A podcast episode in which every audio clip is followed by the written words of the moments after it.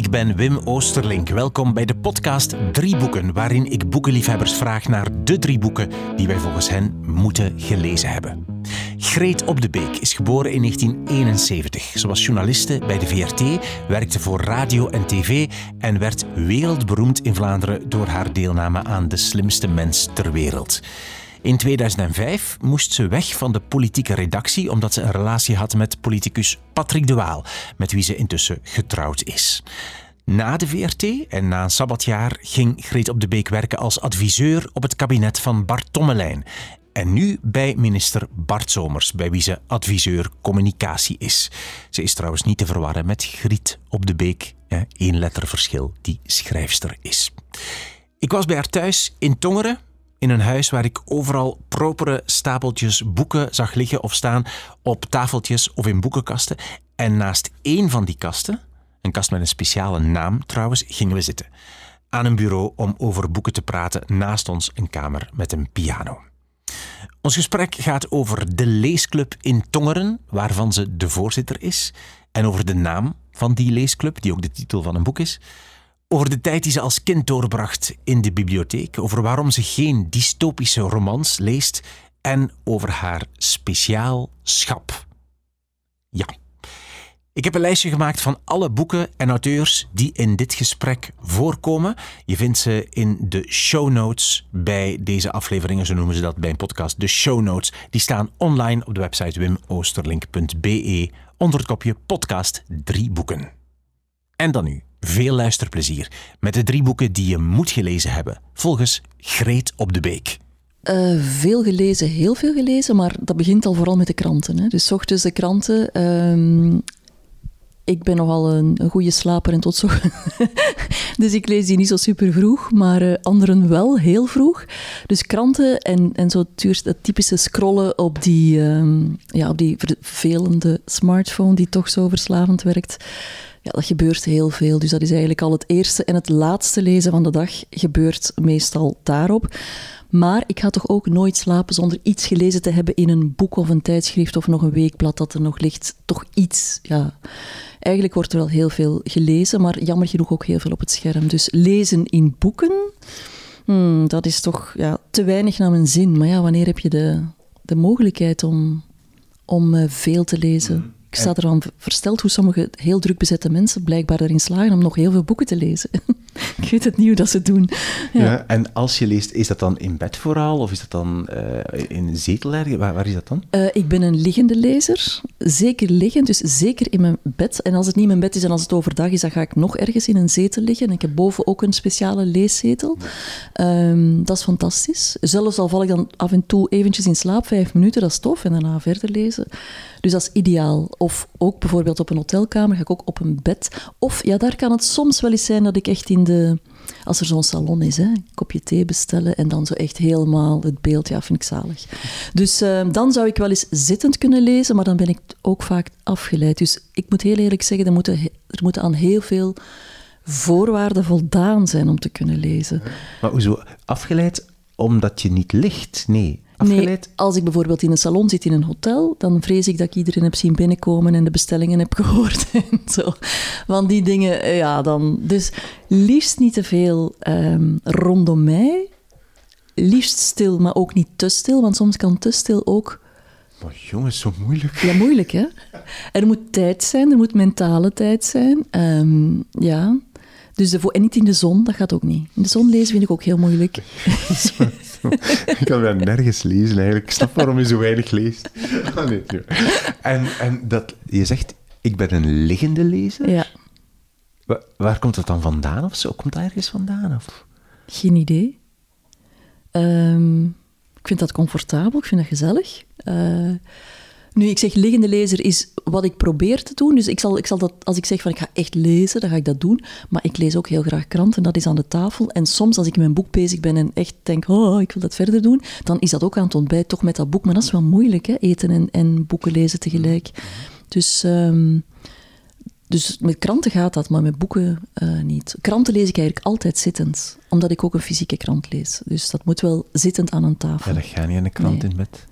Ja, maar nee. En um, eh, het is sociaal aanvaard in huis om eh, boeken te lezen aan tafel tijdens het eten. Ja, als, als ik alleen eet. Hè.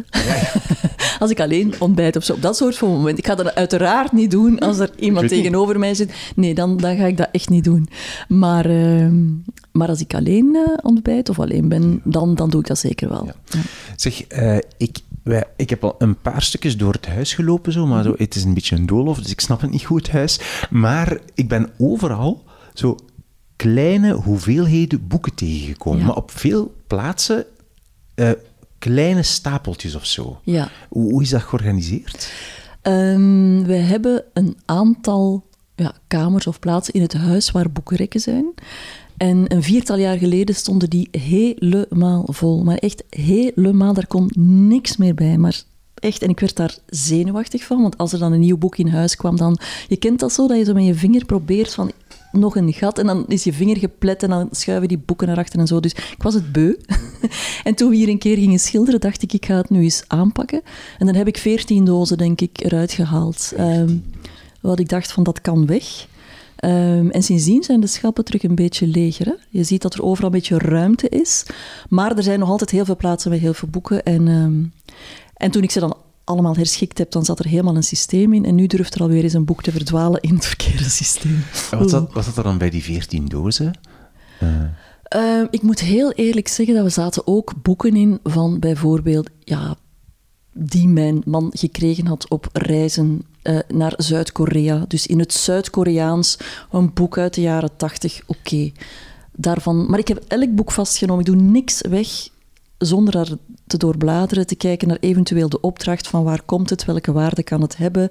En ik bedoel niet geen eh, financiële waarde, maar, maar emotionele waarde kan het hebben. Dus ik gooi niks zomaar weg. Alles werd dan ook afgestoft, doorbladerd enzovoort. Dus daar ben ik echt weekends mee bezig geweest. 14 dozen. En nu zitten we in een, in een kamertje waar er staan cd's, daar een beetje verder een piano. En hier, ik heb, ik heb al een beetje zitten neuzen, toen jij thee aan het maken was, heb ik zitten neuzen, ah, neuzen, zitten kijken naar het boekenrek. Eh, daar, dus d- d- d- dat één rijtje, dat zijn allemaal boeken van mensen van de Open VLD. ja, Dus van hè, collega's of van jouw man ja. zelf. Ja, dat is het liberale schap. Het liberale schap. Is dat de officiële naam? zijn- ja, ik noem dat zo. Er zijn... is het liberale schap. Maar nee, Twee Ja, want dus, ja, wat ik even zeggen, want het zijn er dus veel. Hè. Je denkt van, hoeveel, kun- hoeveel boeken kun je hebben op het liberale schap? Maar pas op, Guy Verhofstadt, Dirk eh Verhofstadt, Patrick de Waal dus, uiteraard. Ehm, en dan Bart Somers natuurlijk, Annemie Nijts, Gwendoline Rutte, Karel de Gucht. En de rest kan ik nu niet zien, maar echt Ja. veel. Heel veel, ja. En daaronder zie ik dan ook toch wel de concurrentie eh, Ja, staan. ja. ja, de, de, de memoires van Martens, IJskens, Jean-Luc de Hane. ehm, Karel ja, van en Miert. alle boeken van Hugo de Ridder uiteraard. Ah, ja, Ook nog iets van Frans Verleijen, Jean-Marie de Dekker. eh, Maar is dit dan de politieke, de politieke kamer? De politieke kamer, ja. Hoewel ik hier altijd zit eigenlijk. Maar ik heb ze daar gezet, ja. Ik, ik, eh, ze horen samen. En dus het is eigenlijk per, per dan ruimte een ander soort boeken? Of is het Ja, overal? het is toch wel thematisch, ja. Jeugdboeken en oude strips van de kinderen staan ook nog allemaal samen. Dan heb ik ehm, de, de romans, boeken over de Tweede Wereldoorlog, biografieën, ehm, reisgidsen. eh, ja, daar zit toch wel een thema in, zodanig dat als ik, dat ik, ik, ik wil toch wel... Als ik iets zoek, het terugvinden, maar dat wil niet zeggen dat ik alles terugvind. Helemaal niet. Misschien zit het in een van die veertien. Ja, nee, nee, nee, dat zou nooit. niet mogen. Nee, nee dat, nee, dat zou ik verschrikkelijk vinden. Iets per ongeluk wegdoen, nee. Oké, We gaan eens kijken eh, wat je gekozen hebt. Drie boeken waarvan je vindt dat iedereen ze moet gelezen hebben. Mhm. Wat is jouw eerste boek?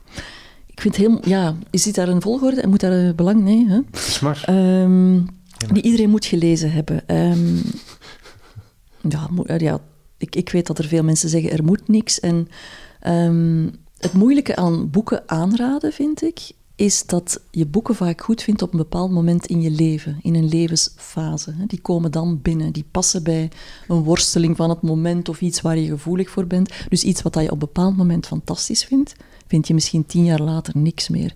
Vandaar dat ik dat ook moeilijk vind om te zeggen, dat moet je absoluut gelezen hebben. Nu, ik zal toch beginnen met een boek waarvan ik denk dat het staat als een huis.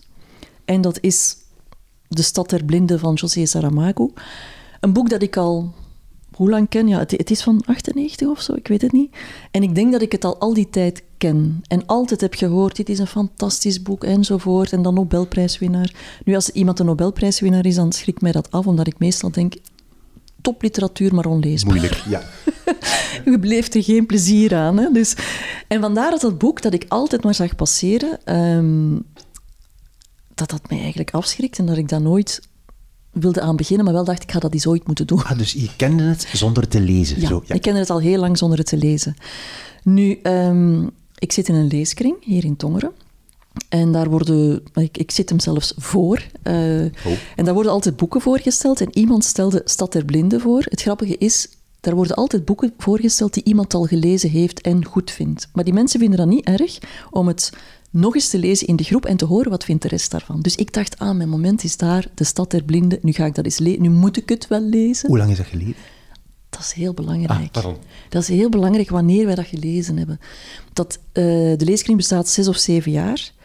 En wij hebben dit boek gelezen in januari 2020. Dat wil zeggen, in november, december 19 was er een vreemd virus in China, ver weg. En de maandag na de kerstvakantie was dat virus nog altijd heel ver weg. Maar ik denk dat het was dus januari toen, 2020. En ik denk dat begin februari, of is het eind januari geweest, begon het, is het virus naar Europa gekomen, naar Italië. En vervolgens kwamen er de beelden van Italië en Bergamo. Vervolgens kwam er de lockdown in Italië. Toen dacht ik echt van, een land dat op slot gaat, die zijn gek. Maar, enfin, maar dus wij lazen dat boek zo rond die periode. We vonden het boek met z'n allen fantastisch. Ik vind dat echt fantastisch wie dit kan bedenken. Het speelt zich in de hedendaagse tijd af. Hè. Iemand wordt plots blind, gaat naar de oogarts. Die oogarts wordt blind. Enfin, een hele stad wordt blind. Die mensen worden in quarantaine geplaatst. Men zet eten voor de deur. Ze worden bewaakt zodanig dat ze niet buiten zouden komen. Dus de hele aanpak eigenlijk van een een epidemie, op dat moment nog geen pandemie. Maar dus wij lezen dat boek in tempore non suspecto. En een maand later wordt dat gewoon waar. En ik krijg nu nog kou. Ik bedoel, ik krijg echt kou als ik het vertel, omdat ik denk, het is echt een bewijs. Dus het boek is op zich al fantastisch. Ik denk dat hij geen fouten heeft gemaakt in het doordenken van wat gebeurt er als een hele stad ziek wordt. Je moet ze in quarantaine plaatsen. Er, er, het is ook een antropologisch experiment, zoals wij dat nu hebben, ook hebben meegemaakt. Je leert de mens kennen. Hè? Er ontstaat een gemeenschap met een groot gebrek. Je krijgt weer mensen die de lead nemen, de mensen die misbruik maken van de situatie, mensen die de regeltjes heel goed volgen, mensen die de regels helemaal niet volgen, ehm, de onderkruipers, de profiteurs, je hebt alles, je hebt van alles. Dus dat heeft zich daar helemaal in afgespeeld, hij heeft dat zo goed bedacht. Ehm, toch nog helder geschreven, dat is niet moeilijk om te lezen. Hè? Het is mhm. zelfs nog humoristisch bij momenten, het is ook niet per se zwaar op de hand alleen. En daarna is die corona-epidemie. Dus wij hebben er echt over gemaild met elkaar. Zo van, denken jullie wat ik denk? Allee, zo van, is dit nu niet te... Ja, dus de combinatie van het moment waarop we dit boek gelezen hebben... met dan het boek aan zich, wat ik fantastisch vind... Ehm, ja, dit is een boek dat staat als een huis, volgens mij dat je in misschien verschillende culturen, dat weet ik niet, maar wel op verschillende leeftijden, dus je levensfase, terwijl ik denk dat dat voor een aantal boeken belangrijk is, of, of wel meespeelt van je bent jong, of je bent worstelend, of op zoek naar een lief, of helemaal van het eind van je leven, dat speelt hier niet mee. Hmm. Ik denk dat iedereen dit kan lezen op, van 20 tot, uh, of van, nee, niet van 8 tot 88, maar wel vanaf 15 jaar tot uh, eh, 85 of zo, en, en, daar iets aan kan hebben. En hebben jullie het boek met de leeskring dan ook kunnen bespreken op de normale manier? Ja, nog net, op de normale manier.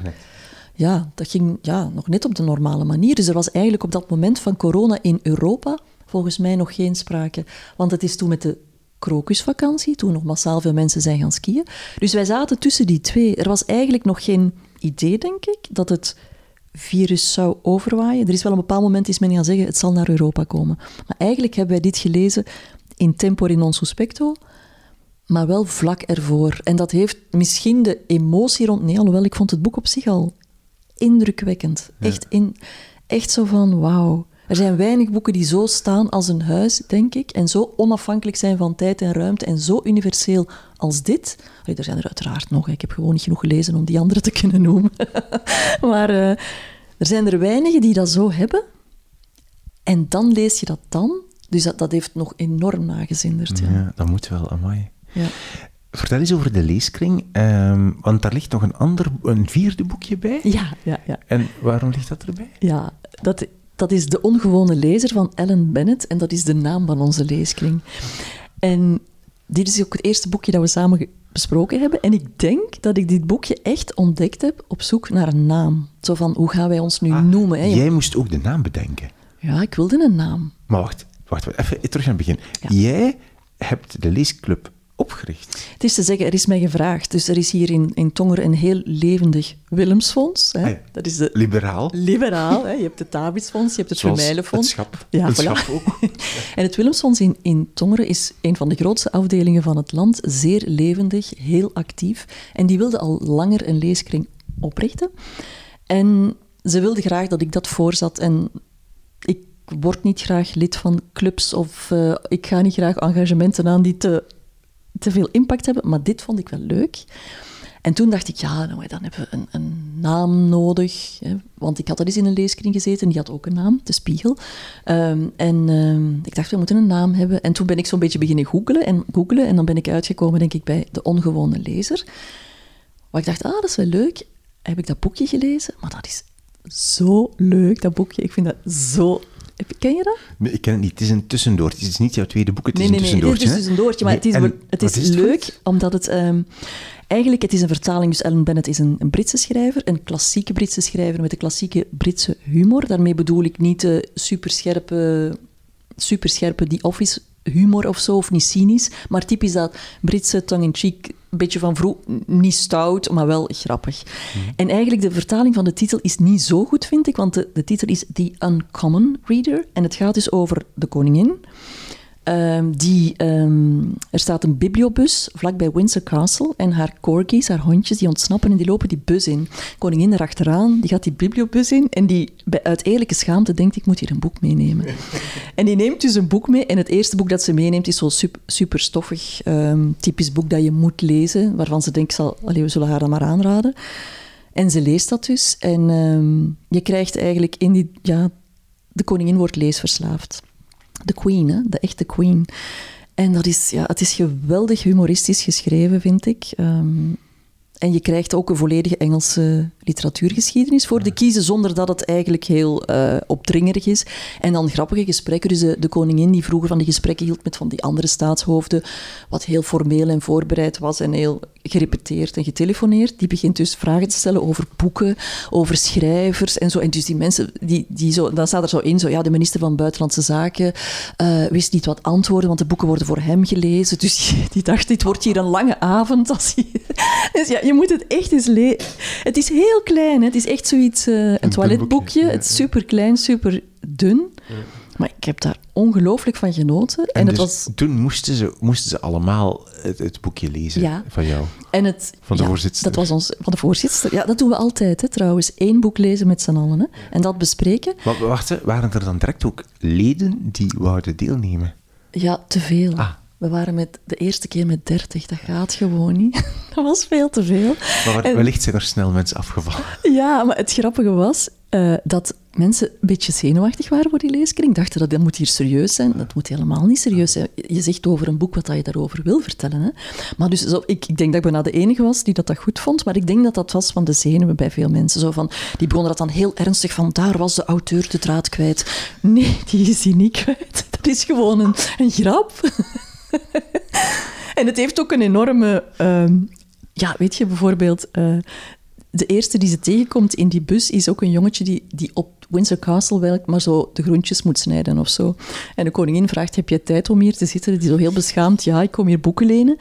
Dat wordt dus haar beste vriend en ze promoveert die aan het hof tot ik weet niet welke hoogtes, tot grote ergernis van alle andere personeel. Dus ehm, ja, het is zo... En het heeft een heel grappige pointe die ik niet ga vertellen, want dan ja, lees je het niet meer. Maar het is echt waar, ja, een pareltje. Ja. Ik wil nog iets weten over de leeskring. Ja. Eh, dus jullie komen hoe vaak? Om de maand dan samen? Nee, om de twee maanden. Om de twee maanden. Om de twee maanden, eh, de eerste maandag van de maand. En dan moet er een... Dan kies, kom jij... Nee, dan wordt het boek besproken dat iedereen gelezen heeft. Ja. Wat boek is dat nu bijvoorbeeld? binnenkort ehm, allemaal angstige mensen van Frederik Bakman, kan dat? Ja? Ik, ja, het, is Frederik Bakman, ben ik zeker van, maar die titel is zoiets. Angstige Mensen. Of, Ik eh, zet het in de show notes. Oké, dus dat wordt besproken. Ja. Oh, je hebt dat, heb, je, heb je het al gelezen? Nee. Oh, nog werk. Ja. Eh, en dan kom jij ook met het volgende boek. Nee, ik, Hoezo? eerlijk gezegd, eh, de mensen van de leeskring die lezen allemaal veel meer dan ik. Maar je bent altijd wel de voorzitter. Ja, ja, maar ik heb dikwijls gevraagd als iemand anders wil voorzitten, maar nee, ze willen dat niet, dus eh, ik doe dat. Ehm, dus die hebben al veel gelezen, dat is zeer leuk. Sommigen zitten in twee leeskringen en dan, bespreken die, dan willen die dat boek nog een keer bespreken met ons. En ik begrijp waarom, omdat spreken over een boek dat je gelezen hebt, dat is superleuk. En vooral als de meningen verdeeld zijn. Als er ruzie is. Ruzie is er nooit. Is er maar- nooit? Geen ruzie, maar wel zo van die mensen die zeggen: Ik vond dit fantastisch. En dan de volgende die zegt: Ik vond daar nu eens niks aan. En als je dan de argumenten van beide hoort, dat, dat bepaalt je leeservaring, maar meestal ten goede. Je gaat een boek niet slechter vinden, je gaat meestal een boek dat je zelf niet zo leuk vond, beter vinden als je iemand heel enthousiast hoort zijn over een boek. En dat vinden de meesten heel leuk, het, het uitwisselen van leestips en praten over de personages. En vaak wordt zo'n boek ook naar je eigen leven getrokken. Ehm, we hebben mensen bij allerlei achtergronden. Dus we hebben bijvoorbeeld eh, De Kinderwet gelezen van Ian McEwan. Er zit in de leeskring zowel iemand, dat gaat over, ehm, ken je dat boek? Dat gaat over een magistraat die moet oordelen over een 17-jarige jongen die wordt ehm, opgevoed bij de getuigen van Jehovah, of die een kankerbehandeling moet krijgen. Binnen het geloof mag dat niet. Hij is 17 jaar, zeer intelligent, wil, kan dat eigenlijk zelf ook beslissen, maar omdat hij minderjarig is, moet dat voor de rechtbank beslist worden. Ehm, en daar gaat het boek over. Heel knap boek, heel knap. Maar in onze leeskring zat dus iemand die is opgegroeid bij de getuigen van Jehovah, nu weggegaan is, en een magistraten. Dus we hebben dat boek besproken, maar uiteraard wordt dat dan naar de werkelijkheid getrokken en dat, dat, dat zijn fantastische avonden. Dus soms wordt het betrokken op ons leven en niet zozeer over het boek. Dus we doen geen eh, analyses zoals in de Germaanse. Hè. Ik heb het al eens geprobeerd, maar eigenlijk wil niemand dat. Dus en waarom moet dat? Wij moeten niks. Hè? Wij En hoeveel, leden zijn er nu nog over van de 30 van in het begin? Eh, we zijn nog altijd wel met een 15, 18 eh, mensen tegelijkertijd, wat nog steeds veel is, maar het blijft leuk. En je hebt altijd mensen die dan fragmenten uit een boek voorlezen, waardoor je nog eens ev- eventjes opfrist. Ehm, die dan artikels daar rond hebben gelezen. Eh, dat is super. Dus eerlijk gezegd, sommige... Ja, die, het, het, het is gewoon een, een werk van de groep. Echt leuk, echt heel leuk, ja. Oké, voilà. Kijk, jouw eerste boek, dankzij eh, leeskring De Ongewone Lezer. Juist. Dat is jouw eerste boek, Stad der Blinden, van Ja. José Saramago, Ja. de Nobelprijswinnaar. Oké. Wat is, we hebben dus eigenlijk al twee gehad, maar dat telt niet als Nee, echt nee, boek. nee. Wat is jouw tweede boek? tweede boek is ehm, De illusie van alleen zijn.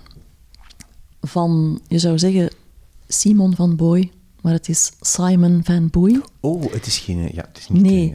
ja. En dit boekje, dat is bijna het omgekeerde van eh, De Stad der Blinden. Ik had er nooit van gehoord en ik heb nooit meer iemand gevonden die het eh, ook gelezen heeft. dus dit heb ik eigenlijk toevallig gekozen in de Passaporta in, in Brussel. Ik weet niet hoe, wanneer, eh, een aantal jaar geleden. Ken je dat zo? Normaal gezien, hoe, hoe kies je een boek? Dat is niet zo makkelijk, hè? Dus ofwel heb je een boek dat net uitkomt, waar dat je in zeven kranten tegelijk de recensie ziet en interviews met de auteurs en dat het een beetje opgedrongen wordt, wat ik eigenlijk niet leuk vind. Zo van, je moet dit lezen. Dan lees ik het. Allee, dan, dat stoot mij af. Wat ik heel fijn vind, is bijvoorbeeld als je naar een boekenwinkel gaat, een onafhankelijke boekhandel, waarbij dat je de, de verkoper ongeveer kent en die jou ongeveer kent, zegt, ik denk dat je dat leuk gaat vinden. Maar dit is dus niks of niemand. En ik dacht, ah, Simon van Boy, die ken ik eigenlijk niet. Dat een Nederlandse auteur, die ken ik eigenlijk niet. En De Illusie van Alleen zijn vond ik ook een mooie titel. Ik vind het ook een heel mooie uitgave. Een mooie blauwe kaft, kaft, met een jongetje. met een jongetje op een strand. Ah ja, zo ja. Dus ik las dan van achter dat het, eh, op de achterflap dat het Simon van Boy is, geboren in Surrey, dus opgegroeid in Wales en woont nu in New York en schrijft voor de New York Times, The Guardian, essays schrijft hij en, eh, en andere novelles en heeft eigenlijk wel wat prijzen gewonnen, maar ik denk dat dit het enige boek is dat naar het Nederlands is vertaald. Ehm, en die titel die sprak mij aan, omdat de illusie van alleen zijn, dat is toch al, dat is al werk op zichzelf, daarover nadenken. Omdat je, je hoort niet anders of je leest niet anders dan over de condition humaine of het alleen zijn. De mens wordt alleen geboren, sterft alleen, er is nog veel eenzaamheid tussendoor, het is allemaal moeilijk enzovoort. Dus de illusie van alleen zijn, ik dacht, dat triggerde mij als titel. Nu opnieuw, het is een vertaling dus, vind ik de titel wel, in het Engels is het The Illusion of Separateness.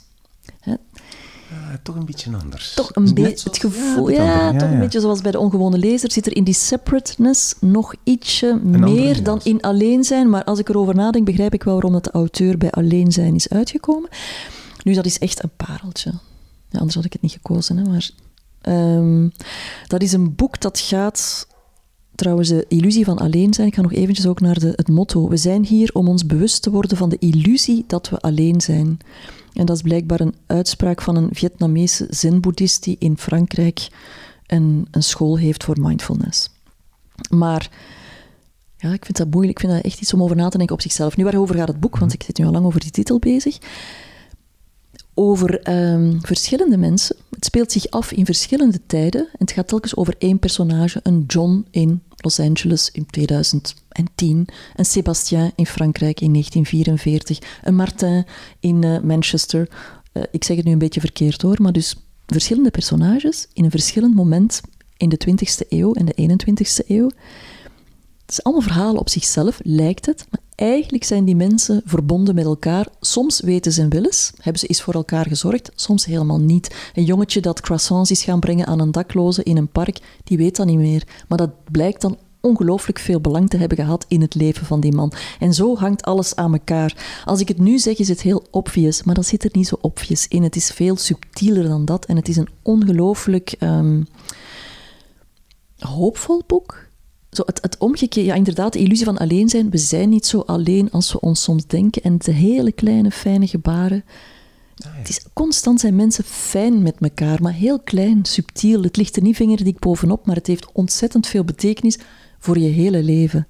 En dat is echt mooi. Dus het, het, inhoudelijk klopt het heel hard bij de titel wel. Dus het bevestigt ook jouw verwachting van de titel. Ja.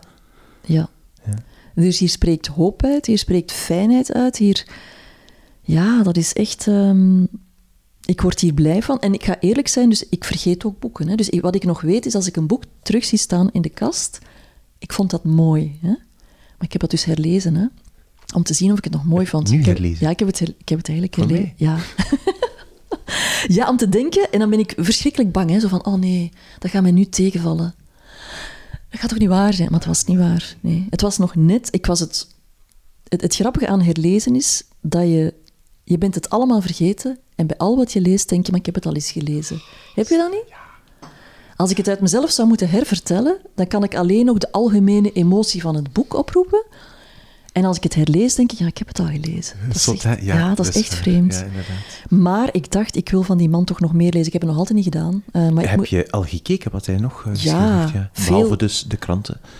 Ja, ja, ja, ja, nee, nee, nee, nee. Hij heeft echt veel geschreven en veel prijzen, prijzen ook gewonnen. Dus, uh, maar ik ben zelfs op boekbesprekingen of zo. Ik denk dat ik het nooit gevonden heb. Ik heb het ook aan mensen aangeraden. Ik hoop dat je het nog kan vinden, dit boek. Ik denk het wel. Um, maar het is wel, ja, het is echt uh, heel mooi. Ja, ik zet een link in de show notes sowieso ook naar het boek uh, waar je het kan, uh, kan Het is ook mooi uitgegeven, hè? want ja, dat vind ik wel belangrijk. Ik bedoel, het enige wat mij stoort is dat die de en die van, um, dat die schuin gedrukt en de rest zo kritisch op die titel altijd. Ah ja, nee.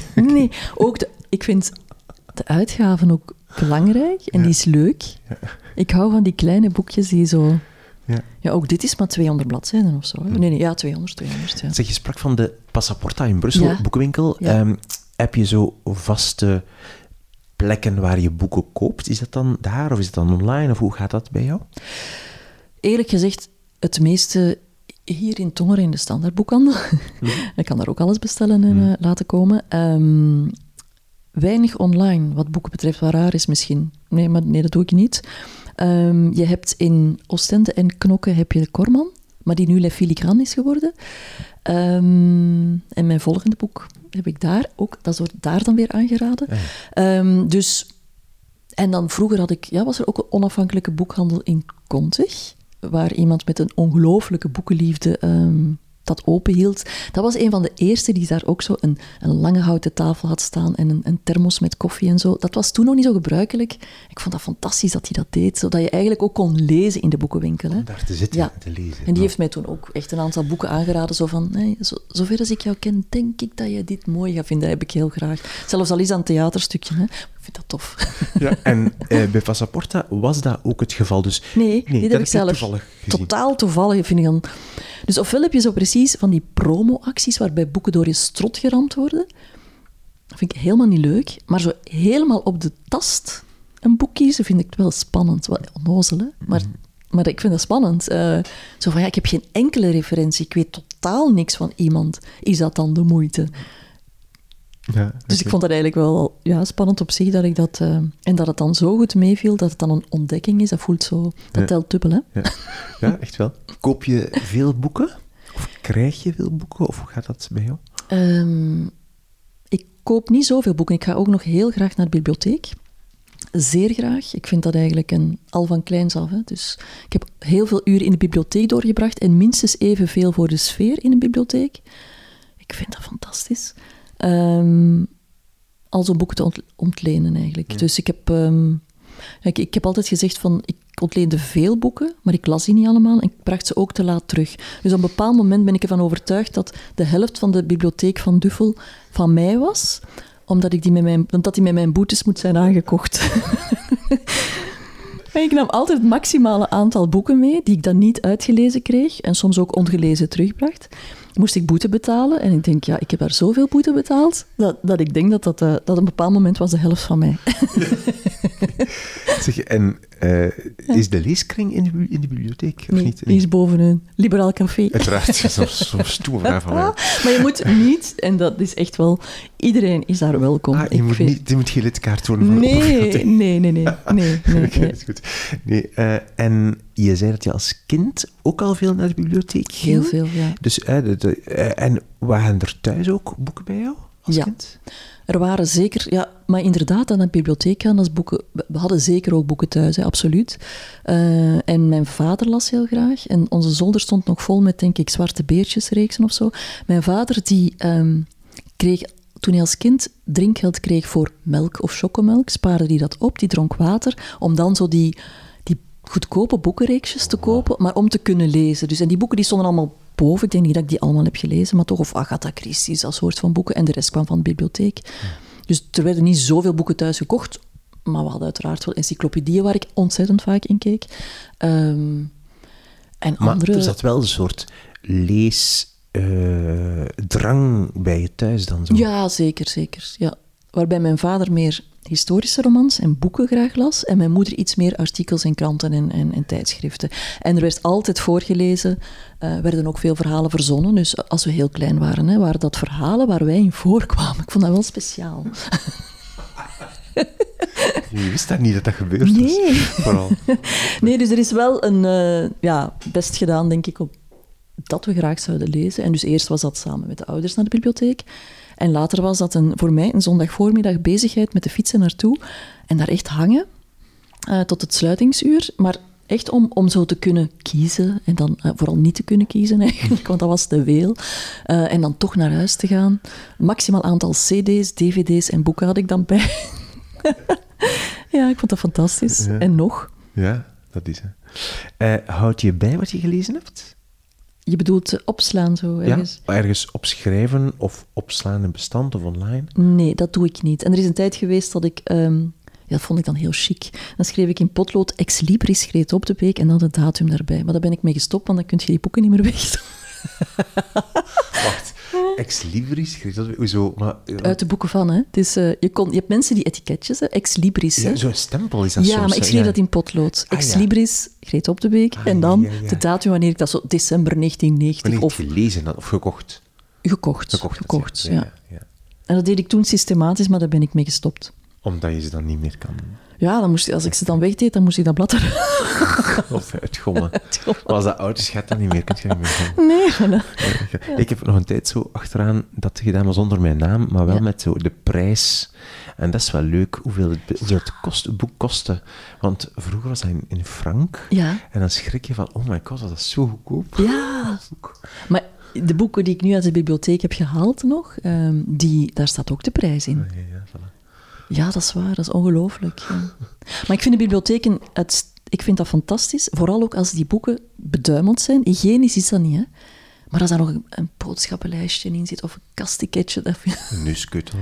een neus... Ja, ik zeg het, eh, ik ben niet zo... die- Ik bedoel, ik ben geen verzamelaar van DNA-materiaal van anderen, wat dat je dus ongewild doet als je naar de bibliotheek gaat.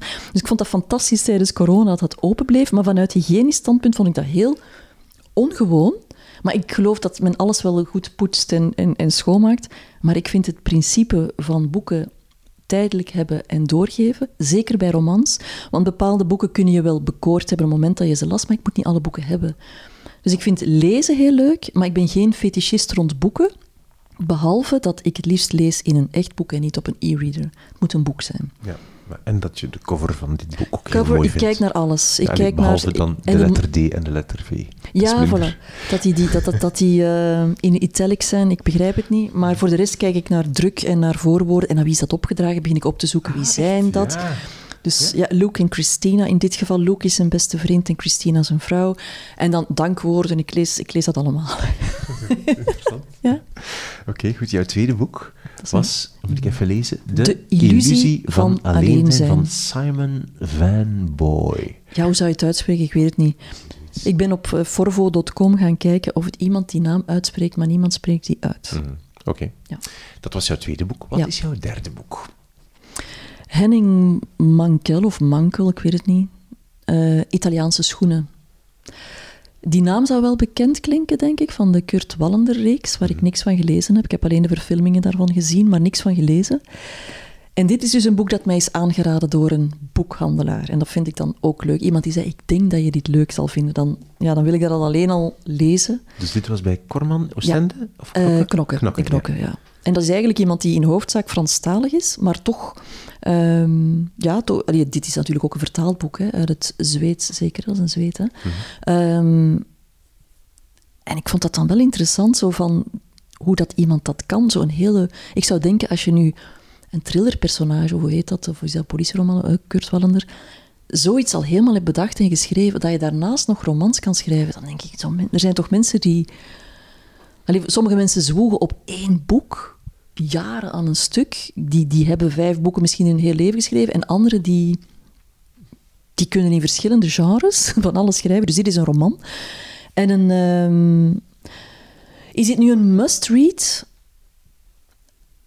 Nee, maar is dit een boek dat zo ook een beetje blijft hangen? Ja, het is, het is een lichtjes magisch realistisch boek. Dus Italiaanse schoenen, die titel alleen al... ehm, is ook weer intrigerend, vind ik. Daar kan je ook zo wel van, wat, wat, wat wil dat nu zeggen, waarover gaat het nu? Het gaat over een man, Frederik, een chirurg, die een fout heeft gegaan in zijn carrière en zich sindsdien heeft teruggetrokken op een eiland, een Zweeds eiland, heel onherbergzaam, waar ehm, hij alleen bezoek krijgt van de postman die met de boot komt en zelden post bij zich heeft.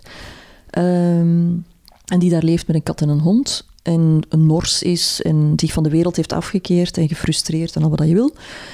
En naast het feit dat hij een fout heeft gemaakt als chirurg, heeft hij nog een fout gemaakt tegenover een vrouw jaren, 40 jaar geleden. En uitgerekend die vrouw komt hem daar out of the blue opzoeken. En dan start het verhaal. Dus het is helemaal geen thriller, maar het is wel een spannend verhaal, omdat je niet weet hoe het gaat aflopen. Dus ik kan er ook niet te veel over zeggen, maar er zitten fantastische personages in. En die Italiaanse schoenen, dat kan ik wel een beetje zeggen. In dat heel onherbergzame gebied, niet op zijn eiland, maar ergens anders in het eh, onherbergzame Zweden, woont een Italiaanse schoenmaker die twee paar schoenen maar volledig state-of-the-art per jaar maakt, die dan door een Parijse design eh, mens worden opgehaald, die worden op maat gemaakt en hij heeft ook schoenen gemaakt voor Amerikaanse presidenten. En hij bewaart al die leesten die in beukenhout zijn van bomen die hij zelf heeft aangeduid om te vellen. Al, ik bedoel, het is een beetje...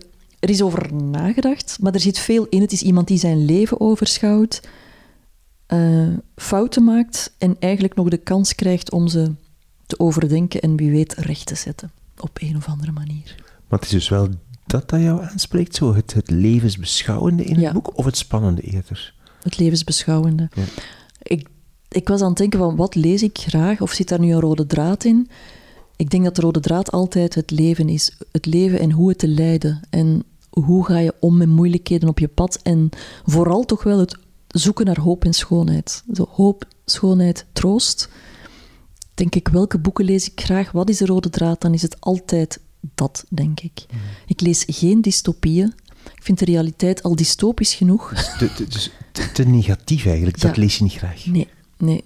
En een echte dystopie, zo, ja, in principe zou je kunnen zeggen dat de Stad der Blinden een stukje dystopie is, maar dat wordt...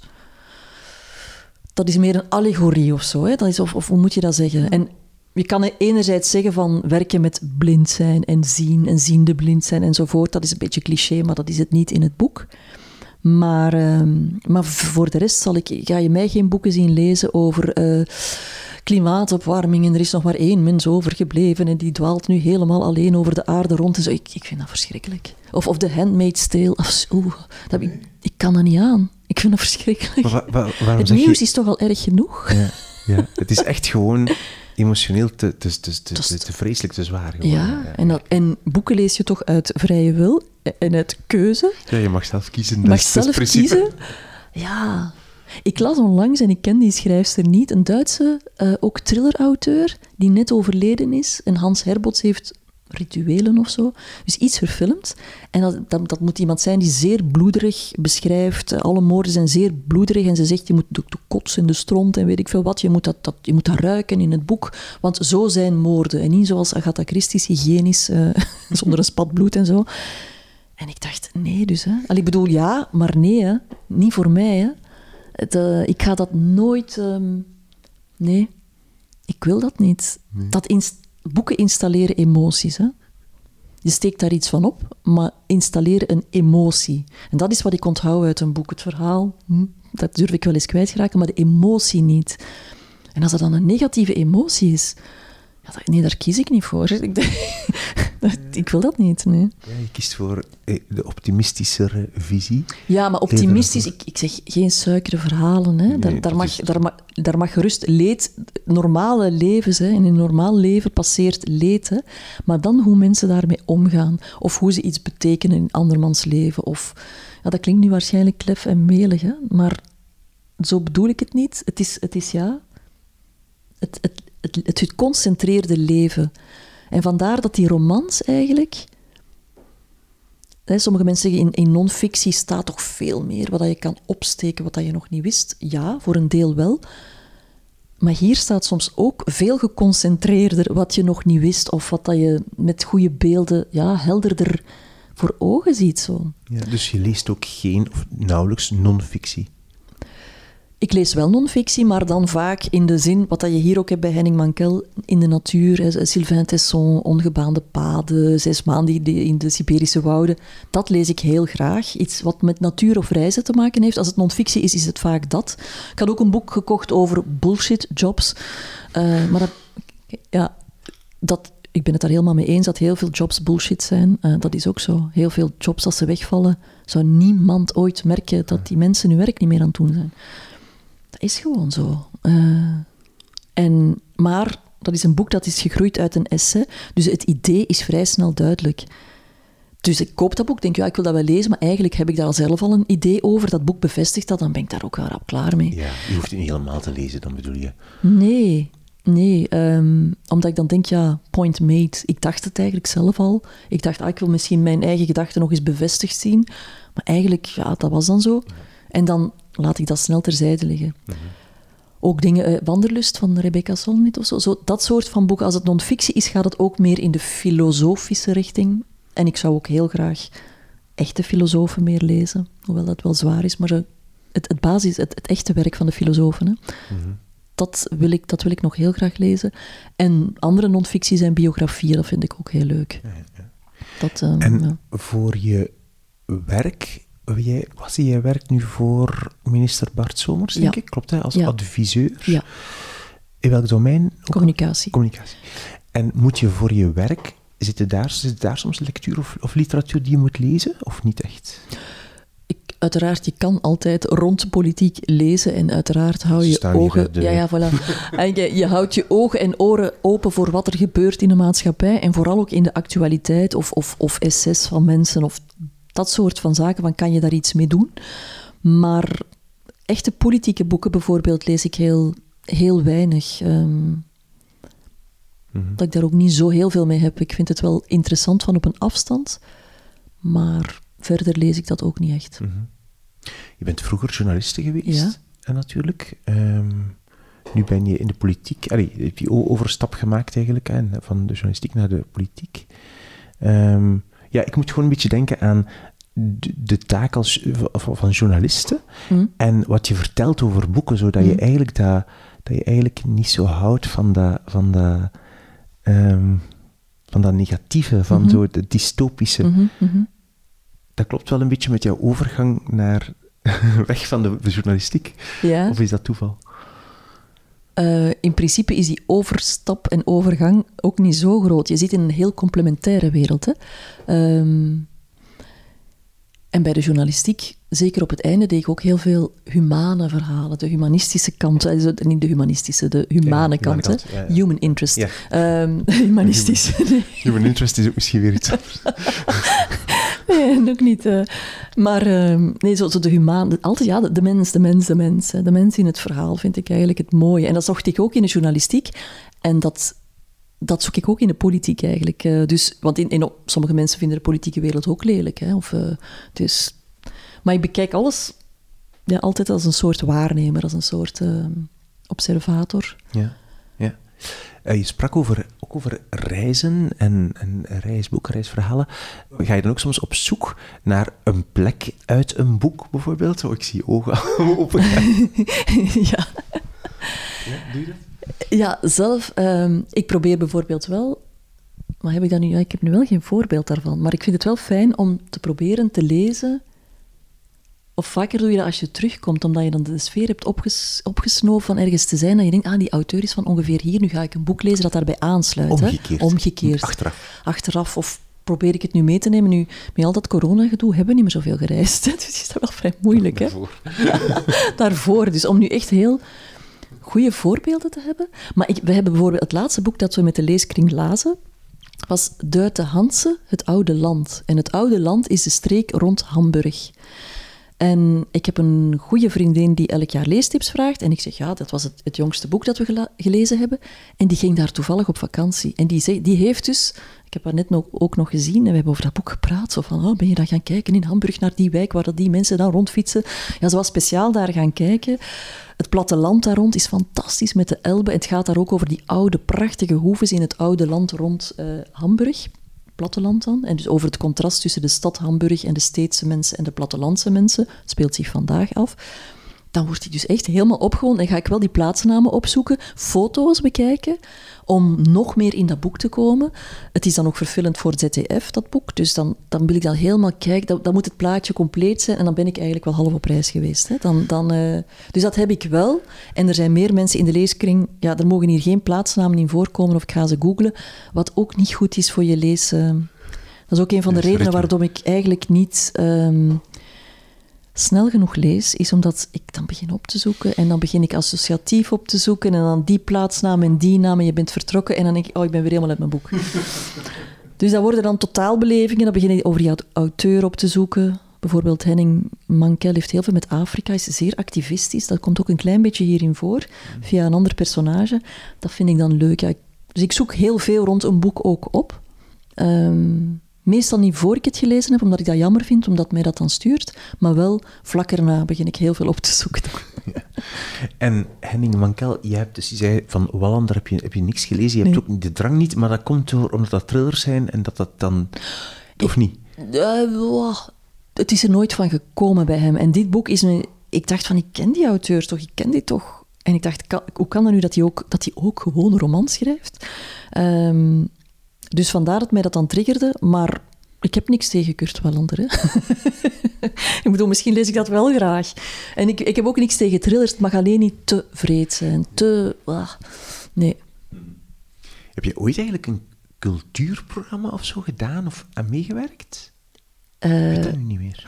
Ik heb voor het journaal, bij mijn overstap van radio naar tv, deed ik voor het journaal cultuur. En toen kreeg ik ontzettend veel boeken opgestuurd. Zeer, zeer leuk. Maar ja, boeken in een journaal, dat is moeilijk. Hè? Ehm, deed ik theater, tentoonstellingen. ehm, ja. Dus cultuur, dat is een soort van... ehm, van, van, van hoe moet ik zeggen, baseline in mijn leven. En soms steekt dat de kop op dat ik daar vrij intensief mee bezig ben. En dan gaat dat weer een tijdje liggen. Maar nu bijvoorbeeld met corona, er was amper cultuur. Ehm, ik heb naar het programma Uitgelezen gekeken op podium 19. Dat was dus echt smullen, hè, dat je zoiets hebt. Dus je merkt wel als het er niet is, als je nauwelijks kan, dat je naar op zoek gaat en dat dat eten en drinken is. Hè. Mhm. En nu ben ik ook een beetje mijn schade aan het inhalen. Ehm, maar ja, dus het is wel een, een rode draad in het leven, maar daarom niet altijd zo... Mhm. En gelukkig is de leeskring er toch nog altijd als constante. Voilà. De- soms denk ik van, mocht die lezen, soms moet ik mijn boek met moeite is dat echt amper uit tegen dat de leeskring is. Eh, omdat als je dat bij het begin van die twee maanden leest, weet je niet meer wat het was op het einde. Dus je leest dat dan tegen het einde en soms is dat tegen de tijd. En dan denk ik, verdorie, ik, ik moet dit meer doen. Hè, maar, ja. Ja, Ik schrijf wel dingen op als ik, eh, als ik een boek lees, om zo het beter te onthouden. Soms een beetje. ja, dat zou ik beter ook doen, want dat helpt. Dat helpt Zeker als het uiteraard. nodig is voor een leeskring. Ja, dat is waar. Goed, jouw drie boeken. Welke drie boeken heb jij gekozen? Wil je nog eens herhalen, alsjeblieft? José Saramago, De Stad der Blinden. Ja, twee. De Illusie van Alleen Zijn, van Simon Van Boy, of hoe dat je het ook uitspreekt. Ja, en drie. Henning Mankel, of Mankel, Italiaanse schoenen. Dankjewel voor jouw drie boeken. En de groeten aan iedereen in de leesclub. Dankjewel, ze zullen blij zijn. Dit was mijn gesprek met Greet op de Beek. Alle info over dit gesprek, over deze aflevering, vind je op de website wimoosterlink.be onder het kopje podcast drie boeken. Daar vind je niet alleen foto's van mijn aanwezigheid daar, foto van ons beiden en van het schap in kwestie, eh, maar ook een lijst van alle boeken en auteurs die we noemen in deze aflevering. Als je mij een plezier wil doen, laat dan vandaag of morgen aan twee bevriende boekenliefhebbers weten hoe ze ook naar deze podcast kunnen luisteren. Welke app jij gebruikt en raad hem aan. Daar doe je mij dus een groot plezier mee. Ik ben Wim Oosterlink. Dit is de podcast Drie Boeken. Dankjewel voor het luisteren en tot de volgende keer.